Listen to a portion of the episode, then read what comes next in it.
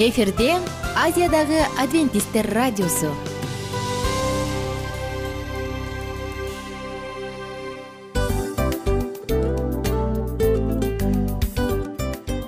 Достор салют. Баардык сүйүктүү угармандарыбызга салам айтабыз. Кутман күнүңүздөр менен. Ден соолук өмүрдүн булагы демекчи саламат саамы программасында баарыңыздарды көргөнүбүзгө абдан кубанычтабыз. Анда алгач амандашып өтөлү арбаңыздар деп. Ден соолугуңуздар кандай элибизде көбүнчө ден соолук кандай дегенде эле жакшы деп жооп беребиз э? ооруп турсак дагы жакшы дейбиз. Анан мен муну айтып ойлойт элем бул абдан сонун сөз депчи анткени бул жакшы деген үмүт да э ооба. баары жакшы болот. Баары сонун. Деп үмүттөнүп атып эле өзүбүздү өзүбүз дарылап коебуз. Анысы кандай сиздин дагы ден соолугуңуз жакшы беш деген үмүттөбүз чындыгында ден соолук бул өмүрдүн булагы деп бекеринен айтылган эмес деп ойлойм. Кыргыз элинде анткени эгерде ден соолук жок болсо анда адамдын жашоосунда калган баардык керектүү маңыздуу нерселер өзүнүн баалуулугун жоготуп коет. Ошондуктан ден соолук бул эң керектүү нерсе. Ооба туура айтасың кесиптешим чынында ден соолугуң жок бир эки үч күн ооруп калсаң эле кандай болуп калат? Жашоодо көз каранды болуп каласың көп нерсеге жетишпей каласың көп нерсени кыла албай каласың жада калса эшикке дүкөнгө да чыга албай каласың. Туптуура анан ден соолук болсо демек биз биздин бактыбыз тоодой деп койсок болот. Анда достор саламат саамы рубрикабызды баштайлы. Алдыда өзүңүзгө керектүү болгон сонун кеңештерди уга аласыздар. Мына ошондуктан биз менен бирге болуңуздар. Ал эми биз болсо милан жана айнура. Кеттик алга. Алга саламат саама ден соолуктун жарчысы. Саламат саама ден соолуктун ачкычы. Күн сайын сиз үчүн мыкты кеңештер сонун жаңылыктар кызыктуу фактылар биздин рубрикада.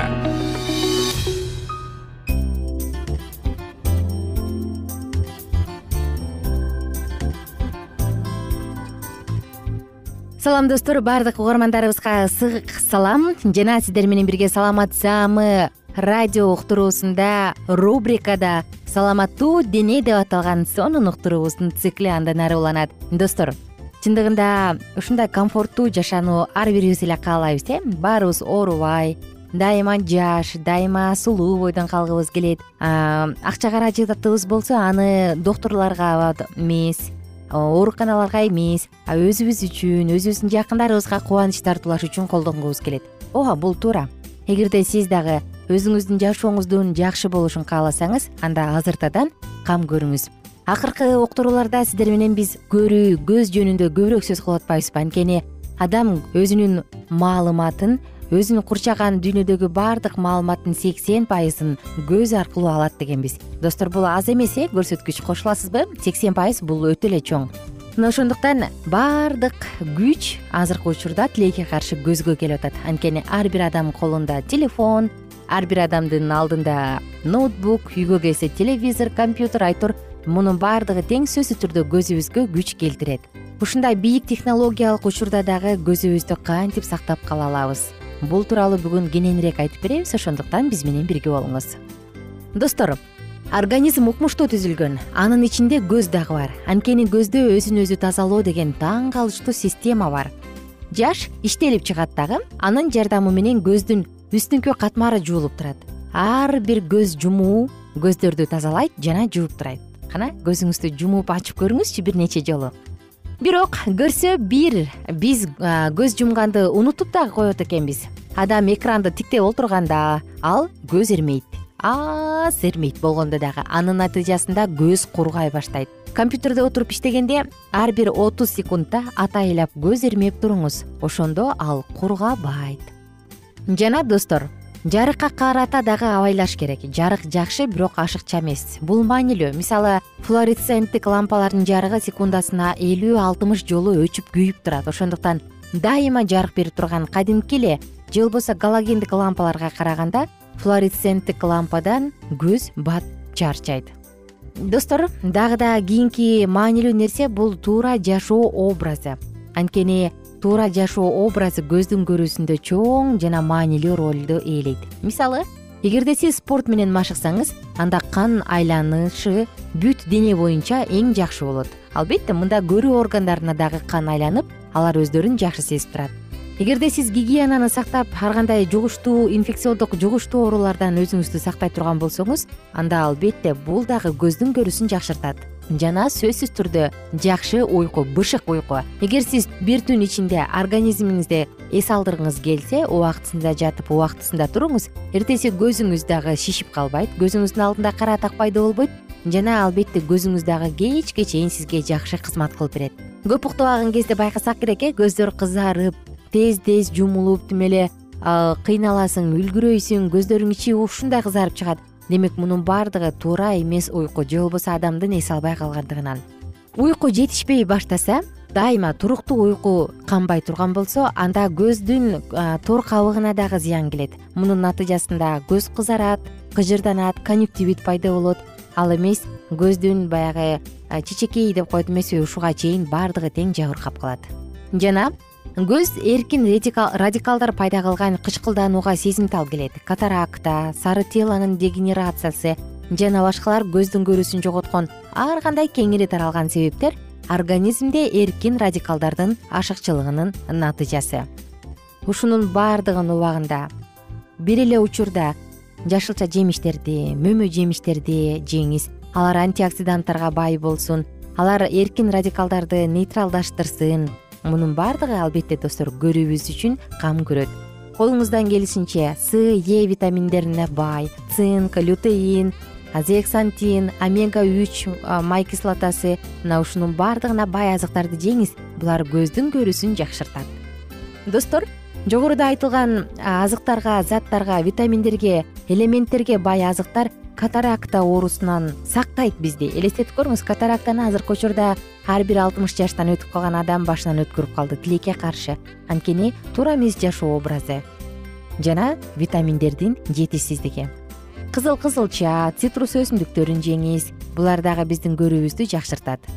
Андан сырткары дагы бир маанилүү кеңеш бар достор. Бул алкоголь жана табак. Же болбосо чылымды чекпеңиз анткени чылымдын чеги бир гана дем алуу системаңи гана кыжырдантпастан көздү дагы кыжырдантат. Аны сезгентет жана кызаруусуна алып келет. Ошондуктан достор өзгөчө бөлмөдө отуруп алып тамеки чегип аткандарын көрсөңүз ал жактан качыңыз. Чуркап качып чыгыңыз анткени ден соолукка зыян.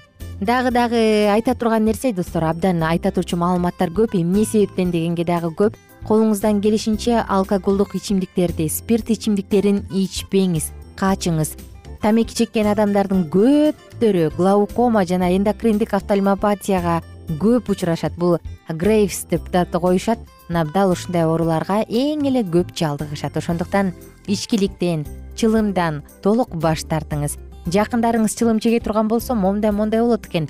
Тамекинин түтүнү момундай экен деп айтып бериңиз. Бул да сиздин ден соолугуңузга кам көрүүнүн бирден бир кадамы. Достор көрүүнү көздү сакташ үчүн бала төрөлгөндөн үч жашка чейин педиатр карашы керек үй бүлөлүк врач же болбосо офтальмолог карашы керек. Алар адамдын көрүүсүн сөзсүз белгилеп аныкташат мындай көрөт деп. Кийин беш жаштан кийин офтальмолог баланын кандай мектепке даярданып жатканын анын көрүүсүн көрүү моторикасын карап текшерип чыгат. Алты жаштан отуз алты жашка чейин офтальмолог бир сыйра дайыма көздү карап текшерип турушу керек кырк жашта офтальмолог толугу менен осмотр жүргүзүшү керек. кырк жаштан алтымыш беш жашка чейин. дал ушундай көрүүнү жылына жок дегенде эки төрт жолу болуп турганы жакшы. колуңуздан келишинче жок дегенде ушул учурда бир жолу жылына барып койгонду унутпаңыз офтальмологко ал эми кийин алтымыш беш жаштан кийин жылына бир эки жолу барып көрүнүп турганыңыз жакшы өзгөчө бала жетилбей төрөлүп калган болсо ара төрөлүп калса анда анда дагы көрүүсүнө ар кандай коркунучтар туулушу мүмкүн. Достор убактыбыз бүтүп калды. Сиздер менен убактылуу гана коштошом. Жана кийинки уктуруудан амандашканча. Саламат саама ден соолуктун жарчысы. Саламат саама ден соолуктун ачкычы. Күн сайын сиз үчүн мыкты кеңештер сонун жаңылыктар кызыктуу фактылар. Биздин рубрикада замандаштар баарыңыздарга ысык салам. Дил маек программабызга кош келиңиздер. Дил маек рубрикасы дегенде эле бул эмне болгон дил маек ким менен маектешебиз деп сурайт болуш керек угармандарыбыз бул рубриканы кыскача тааныштыра кете турган болсок ар тарап кесип ээлеринен болгон сонун интервью кеңештер бар. Ооба. Жылдыздар менен болгон маек бар. Аталарыбыздын агаларыбыздын чоң аталарыбыздан сонун кеңештер бар. Ошондой эле эже сиңдилердин кеңештери бар айтор. Баардык кызыктардын баары алдыда. Негизи эле адам баласы бир кимдир бирөөнө ишенип сырын ачкысы келет эмеспи э? Мындай баарлашууга жакын келебиз го. Албетте негизи бир жерге отуруп алып кенен шашпай баягы жүрөктөн жүрөккө ачып сырларыбызды ар кандай көйгөйлөрүбүз менен бөлүшүп баягы чын жүрөктөн маек курганды кимибиз сүйбөйбүз э? Ооба десең ал нерсеге суусап да келебиз да. Ооба кээ бирде адамга чындыгында баягы э, ысык маек баягы жылуу маек жетишпейт да. Ошондуктан биз ушул рубриканы ойлоп тапканыбызда эң биринчи эле достор сиздер менен чын жүрөктөн бир маңыздуу темаларды козгоп кеткени э, кааладык. Ошондуктан ушундай сонун бир рубриканы тартуулап жатабыз. Анын үстүнө радио дагы сонун дос да анткени э, мындай учурда досуңа айтсаң досуң досуна айтат досу досуна айтат да анан бүт өлкө билип калышы мүмкүн го. А радио болсо сени сатпаган сенин айыбыңды ачпаган. Сенин сырыңды эч кимге айтпаган сонун дос мына ошондуктан биздин алдыдагы айта турган кеңештерибизди биздин досторубуздун кеңештерин угуп анан ал жака пикириңизди дагы калтырып кайрадан биз менен байланышсаңыздар болот. Деги эле жашооңузга эгерде кичине болсо дагы өзгөрүү алып моралдык жактан нравовалык жактан сонун бир кеңештерди алсаңыз демек биз максатыбызга жеттик. Ооба. Чыңгыз атабыз улуу жазуучу э, чыңгыз айтматов айткандай адам болуу бул күнүмдүк процесс экен. Күн сайын адам бойдон калуу бул адамзатка эң эле кыйын дейт э? э эң кыйын дейт. Чындыгында бунун э, негизинде адамдын эң баягы сапаттуулугу адамдын э, адамгерчилиги жана көптөгөн керектүү нерселер. Мына ошол темалар дагы бизде ушул дил маекте биз аларды да козгойбуз. Ден соолук жөнүндө да сүйлөшөбүз. Сөзсүз түрдө анан милан мырза негизи айтып коюшат го. Биз көбүнчө эмнени ойлонсок ошол нерсеге карата иш кылабыз го. Ооба. Анан анысы балким бул радио баракчада кимдир бирөөнүн оюн текшергенге жардам берет кимдир бирөөнүн жүрөгүн текшергенге жардам берет. Балким кимдир бирөөгө жашоонун маңызын тапканга жардам берет айтор кызыктын баары алдыда бул жөн гана кыскача жарнама анда угармандарыбыздын баардыгын кийинки рубрикабызга чакырабыз. Ал эми кызматта маңдайымда отурган кесиптешим милан жана мен айнура. Анда эмесе биз даярдаган терең терең ойлор менен таанышууга кеттик. Алыс алыс баралык. Анда эмесе достор биз менен бирге болуңуздар алдыда эң кызыктуу маалыматтардын баардыгы бир нече мүнөттөр бою жалгыз гана сизге арналат мына ошондуктан жакшы маанай менен угууну каалайбыз. Үн алышканча. Жөнөдүк. Ар түрдүү ардактуу кесип ээлеринен алтын сөздөр жүрөк ачышкан сыр чачышкан сонун маек дил маек рубрикасында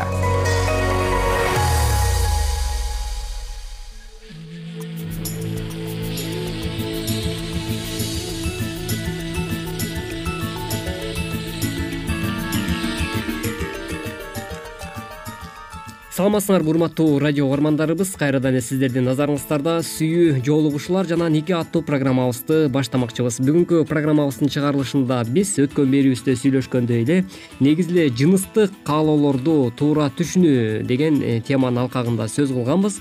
Бүгүн болсо дал ушул жаатта эле сапарыбызды улай жыныстык каалоолорду э, деги эле жараткан жаратуучубуз бизге э, кандай максат менен берген? Башкача айтканда кандай болуусу керек кудайдын көз карашы менен дал ушул туурасында бүгүнкү программабызда сөз кылмакчыбыз. Андыктан биздин одон алыстабай урматтуу угармандар биз менен биргеликте болуңуздар.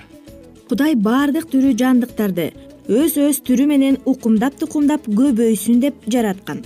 Жаныбарларды күчтүү табигый каалоо болгондуктан алар бири бири менен кошулат. Бирок жаныбарлар үчүн бул мезгил мезгил менен гана болуп туруучу нерсе башка убакта алар жыныстык байланыштарга кызыгышпайт. Ушундан улам кудай жаныбарларга алар укумдап тукумдап көбөйүшү үчүн гана жыныстык каалоолорду берсе керек деген бүтүм чыгарууга болот.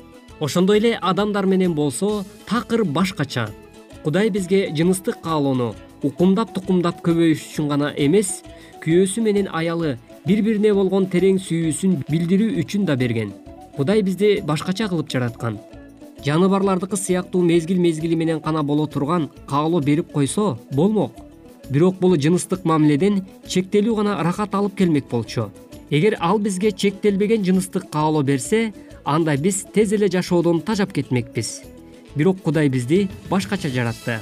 Ал бизди керек болгон учурда ойготууга мүмкүн болгон жыныстык каалоо берди бул аялы менен күйөөсү чогуу жашаса да аларды ар дайым эле жыныстык каалоо коштоп жүрөт дегенди билдирбейт. Бирок керек болгон учурда гана алар бири бирине карата болгон жыныстык каалоону ойгото алышат.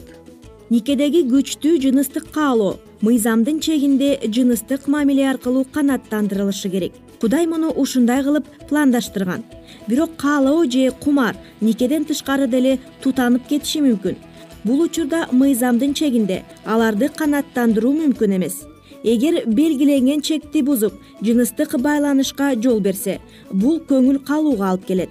Ал эми белгиленген чекти бузса бузуктук кылып жаштар кабыла турган эң жаман күнөөлөрдүн бирин жасаган болушат. Ошондуктан ыйык китептин биринде жыныстык каалоолорду ойготкон туура эмес деп алдын ала эскертилген. Жыныстык каалоолорду буу казан менен салыштырууга болот от жагылганда анын ичиндеги суу бууга айланат. Буу эң чоң басымдын астында болот. Ошондуктан анын атайын буу чыгара турган жери бар. Ал электр энергиясынын иштеп чыгуучу тетиктерди айландыруу үчүн колдонулат. Бирок от жагып туруп буу чыкчу жер жабылып калса буу казан жарылып кетиши мүмкүн. Табигый сүйүү кудай берген эң сонун белек. Бирок табигый жактан да сезимдер жагынан да эч даярдык жок болуп туруп дене кумарын тутандырган туура эмес. ыйык жазуу боюнча коопсуз жана туура бир гана жол бар. Бул нике. Никеден тышкары жыныстык каалоолорго жол берип кумар отун жандырган туура эмес. Ошондой эле эркектерде да көз аркылуу каалоо пайда болот. Жыныстык каалоону ойготууда биздин баардык сезимдерибиз да катышат. Бирок жигиттер менен кыздардын ортосунда кээ бир айырмачылыктар бар. Кыздардын болсо денесине тийгенде жигиттер болсо көздөрү аркылуу кумарданышат. Денесине чапташкан же өтө тыкыз кийим кийип жүргөн кызды көргөндө жигиттин жыныстык каалоосу ойгонот. Кээ бир кыздар муну жакшы билишет. Ал эми жыныстык каалоону ойготуу үчүн кандай кийинип кандай басып кандай отуруп кандай турууну билишет. Ал эми адатта эркектин жыныстык каалоосун ойготкон мындай кийинип алган кыздар сөзсүз түрдө азгырыкка түртөт деген ойго келсек болот себеби алар башка адамды күнөөгө түртүп жатышат.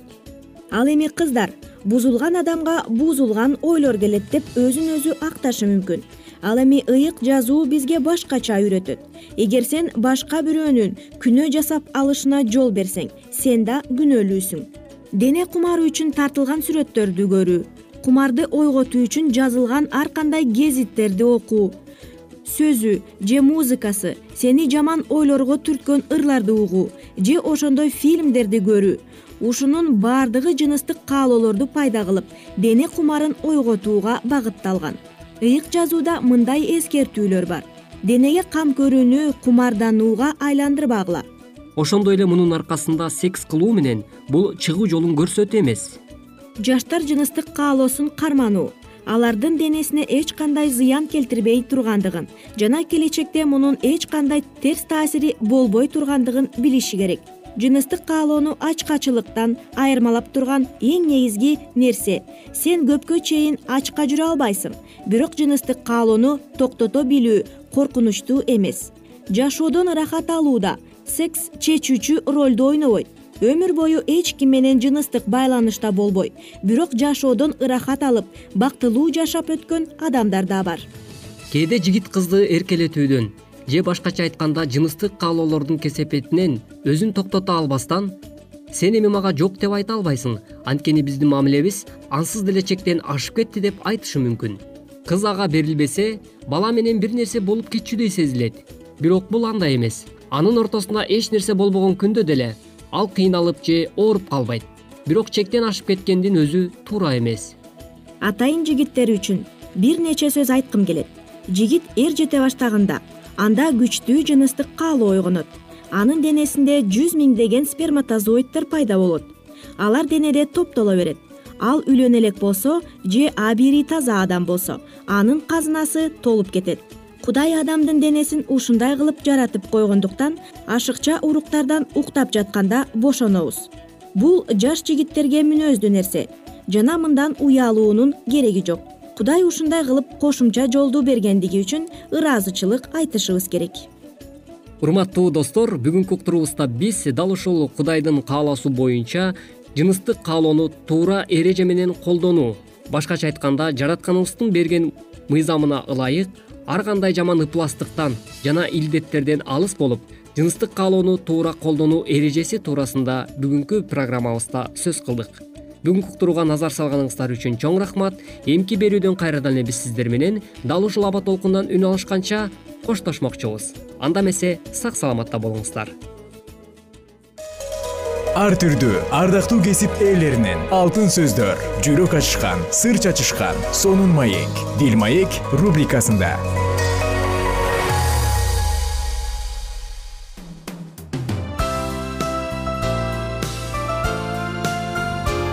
эфирде азиядагы адвентисттер радиосу.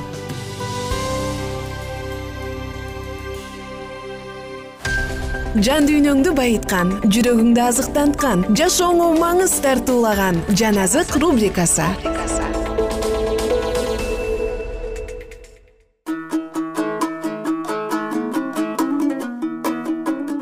саламатсыздарбы? Кадырлуу замандаштар сүйүктүү угармандар жалпыңыздар менен жан азык рубрикасында үн алышканыма кубанычтамын.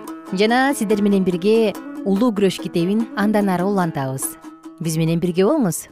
Мына ушундайча азыркы кездеги жалган билим ыйык жазууга болгон ишенимди токтотуп папалык кыймылды анын баардык өзүнө тарта турган жоболору менен кабыл алууга орто кылымдардагы түркөөлүк аны көтөрүүгө себепкер болгон сыяктанып өз жолун тазалап чоң ийгиликке жетишет диний уюмдарды кошмо штаттардын мамлекеттик бийлиги колдоп туруусуна умтулуу менен протестанттар католиктердин жолдору менен бара жатышат. Андан тышкары алар эски жарыкта жоготуп алган бийлигин католиктерге кайтарып берүүгө аракеттенип жатышат. Жана бул дагы кыймылдын башкы максатына дагы көп көңүл бурулууда бул жекшемби күндү сактоо милдеттүү түрдө болуусу жекшемби күн римдик католиктердин бийлигинин символу болуп саналат. Папалык кыймылдын руху дүйнөлүк каада салттарга кармануу адамдардын чыгарган мыйзамдарын кудайдыкынан жогору коюу жана протестант жыйындарына дагы башта өздөрү кылгандай жекшемби күндү кадырлап жана башка күндөрдөн жогору коюуга аракет жасатуу.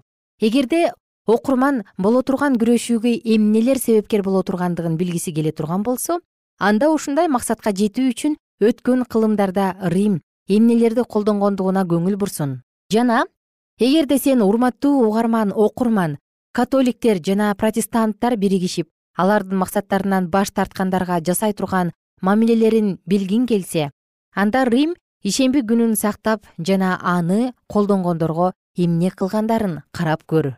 Падышалык буйруктар бүт дүйнөлүк соборлор жана жыйындардын чыгарган бүтүмдөрү дүйнөлүк бийликтер менен колдонуп бул бутпарастардын майрамы христиандардын ичинде жогорку орунга жеткирилген.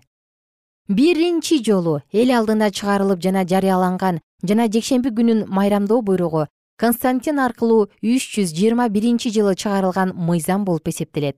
Бул мыйзам буларды талап кылган кастарлаган күн күнүндө шаар тургундары дем алышсын. Ал эми айыл жергесиндеги жер иштеткен адамдарга талаа жумуштарын кылууга уруксат. Бул майрам күнү бутпарастар аркылуу колдонулуп келгени менен жөн гана христиан динин кабыл алган император аркылуу бекемделген. Кудайдын авторитетин алмаштырыш үчүн императордун буйругу жетишсиздик болгондуктан римдик епископ евсевий императордун досу жана жакшы көргөн кишиси болгон. Жана төрөлөрдүн көңүлүн алууну каалап машаяк өзү ишембини жекшембиге алмаштырган деп мыйзамды толуктаган. Бирок бул бекемдөө ыйык жазуунун бир дагы аята менен далилденген эмес. Евсевий өзү өз чечиминин жалгандыгын белгилеп мындай дейт. Ишемби күнгө карата далилди биз бир гана теңирдин күнүнө алып келе алабыз. Бирок жекшемби үчүн далилдин негизи жок болсо дагы ал адамдарга ишембини буту менен тебелегенге кайрат берди. Жана бул дүйнөгө жагууну каалаган адамдардын бардыгы белгилүү болгон майрамдарды кабыл алышты. Папалык кыймылдын бийлигин бекемдеп жана тастыкташ үчүн жекшемби күндүн мааниси дагы жогорулады бир канча убакыт адамдар чиркөөгө барбаганда талаа иштери менен алек болуп жүрүшкөн. Бирок жекшемби күн баардыгы аркылуу ишемби күнүндөй кастарлана баштады.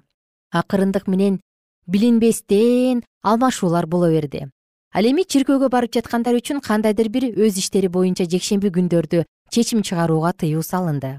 Көп убакыт өтпөстөн баардык даражадагы кызматтагы адамдарга бул күндөрү кандайдыр бир иш кылууга тыюу салынган мыйзам чыкты жана аны бузган эркин адамдар акчалай штраф төлөшүп ал эми кулдар жазага кабылышкан.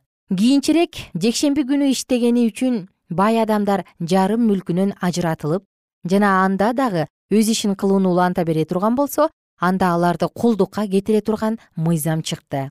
Ал эми кедей кембагалдар болсо өмүрүнүн аягына чейин сүйүргөнгө айдалышкан. Ойлонуп табылган кереметтер дагы ишке кирише баштаган. Ошолордун бири бир дыйкан жөнүндө. Бир дыйкан жекшемби күнү жер айдоого чыгат жана өз сокосундагы толуп калган топуракты бир жалпак темир менен тазалай баштайт. Жана ушул жалпак темир анын колуна кирип кетип эки жыл аралыгында аны колунан сууруп алып чыгууга мүмкүн боло албай калат жана ал дыйкан абдан уят болуу менен аны көтөрүп жүргөн. Кийинчерээк папа өзүнүн дин кызматчыларына жекшемби тынчтыгын бузган адамдарды чиркөөгө келүүгө үндөгүлө антпесе алар өздөрүнө жана өз жакындарына кайгы алып келишет деген буйрук берет. Чиркөөнүн собору жекшемби күнүнүн ийгилиги үчүн чечим кабыл алышкан жана бул кийинчерээк протестант жыйындарында дагы белгилүү боло баштады. Анын маңызы мындай болгон. Ким жекшемби күнү иштей турган болсо аларды чагылган өрттөп кетет. Ошондуктан бул күндү ишемби күн катары кастарлоо зарыл. Анын күнүнө маани бербегендерге теңир жакшылык кылбай тургандыгы айкын нерсе деп айтышкан прилаттар андан кийин бардык дин кызматчыларды падышаларды төрөлөрдү жана ишенген адамдарды христиан ишенимдеринин урматына бул күнгө татыктуу урмат көргөзүп баштагыдан дагы кастарлоого чакырышты. Бирок собор чыгарган буйруктар жеткиликсиз болгондуктан чиркөө жардам менен мамлекеттик бийликтерге кайрылышкан. Жана жыйынтыгында адамдарды жазалоо менен коркутушуп жекшемби күнү бардык жумуштарды калтырууга мажбурлашты. Римдиктердин синоддорунан чогулушунда бардык чыгарылган чечимдер салтанаттуу түрдө бекемделди. Алар чиркөөнүн мыйзамдары болуп саналып мамлекеттик бийлик аркылуу бекемделген жана түгөл христиан дүйнөсүнө тегиз жүктөлгөн. Бирок жекшемби күнүн майрамдоо ыйык жазуунун негизинде далилденбегендиктен бул көпчүлүк кыйынчылыктарды алып келди.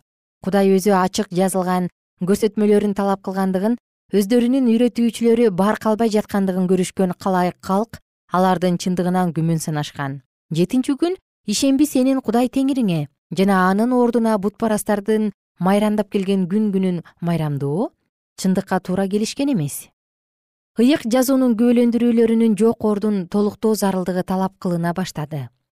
Он экинчи кылымдын аягында англиялык жыйындарды жекшемби күндүн ынталуу жактоочусу кыдыра баштайт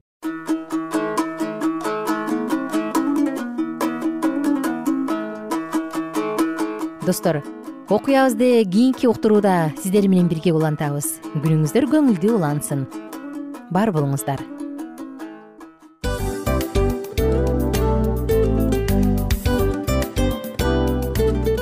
Мына ушинтип убакыт дагы тез өтүп кетет экен. Биз дагы радио уктуруубуздун аягына келип жеттик келип кубандырдыңар эми кетип кубандыргыла деп тамашалап калышат эмеспи? Анысы кандай? Радио баракчабызды программабызды азыр эле баштап аткандай болдук элек мына соңуна келдик э? Негизи убакыт э, билинбей өтүп кетет экен? Мен дагы э, убакыт дегенде бүгүн бир адам менен сүйлөшүп калдым. Анан убакыт бул мүмкүнчүлүк деп айтып өзүмө өзүм айтып алып анан мага өзүмө эле кайра ачылыш болду да чын эле. э Э, карап отурсаң ошол эле жыйырма төрт саат ошол эле жарым саат кайталанып атат. Бирок сендеги мүмкүнчүлүк жок ошол кой берилип кетти? Анысы кандай? Бүгүнкү сонун убактыңызды алтындай болгон жарым саатыңызды бизге бөлүп арнаганыңыз үчүн ыраазычылык айтабыз. Анан жашооңуздун кайсы бир сферасын өзгөртө турган сонун пайдалуу кеңеш алган болсоңуз анда биз максатыбызга жеттик. Анан ушул нерсени кылбасам десеңиз ошол өзгөрүүлөрдү кичинекей кадамдардан баштап иш жүзүнө ашырыңыз дагы жашооңузда чоң чоң ийгиликтерге жетиңиздер чын жүрөктөн ар бир берилген кеңештер сөздөр сиздерге пайдасын алып келет деп ишенебиз. Жана кийинки уктурууларда сөзсүз түрдө чыдамсыздык менен сиздерди күтөбүз. Сагынычтуу салам айтып кайрадан дал ушул жыштыктан баардыгыңыздарды тосуп алганча. Кызматта мен айнура жана кесиптешим милан. Анда кол булгалайбыз жалпыңыздарга ийгиликтүү күн. Саламатта калыңыздар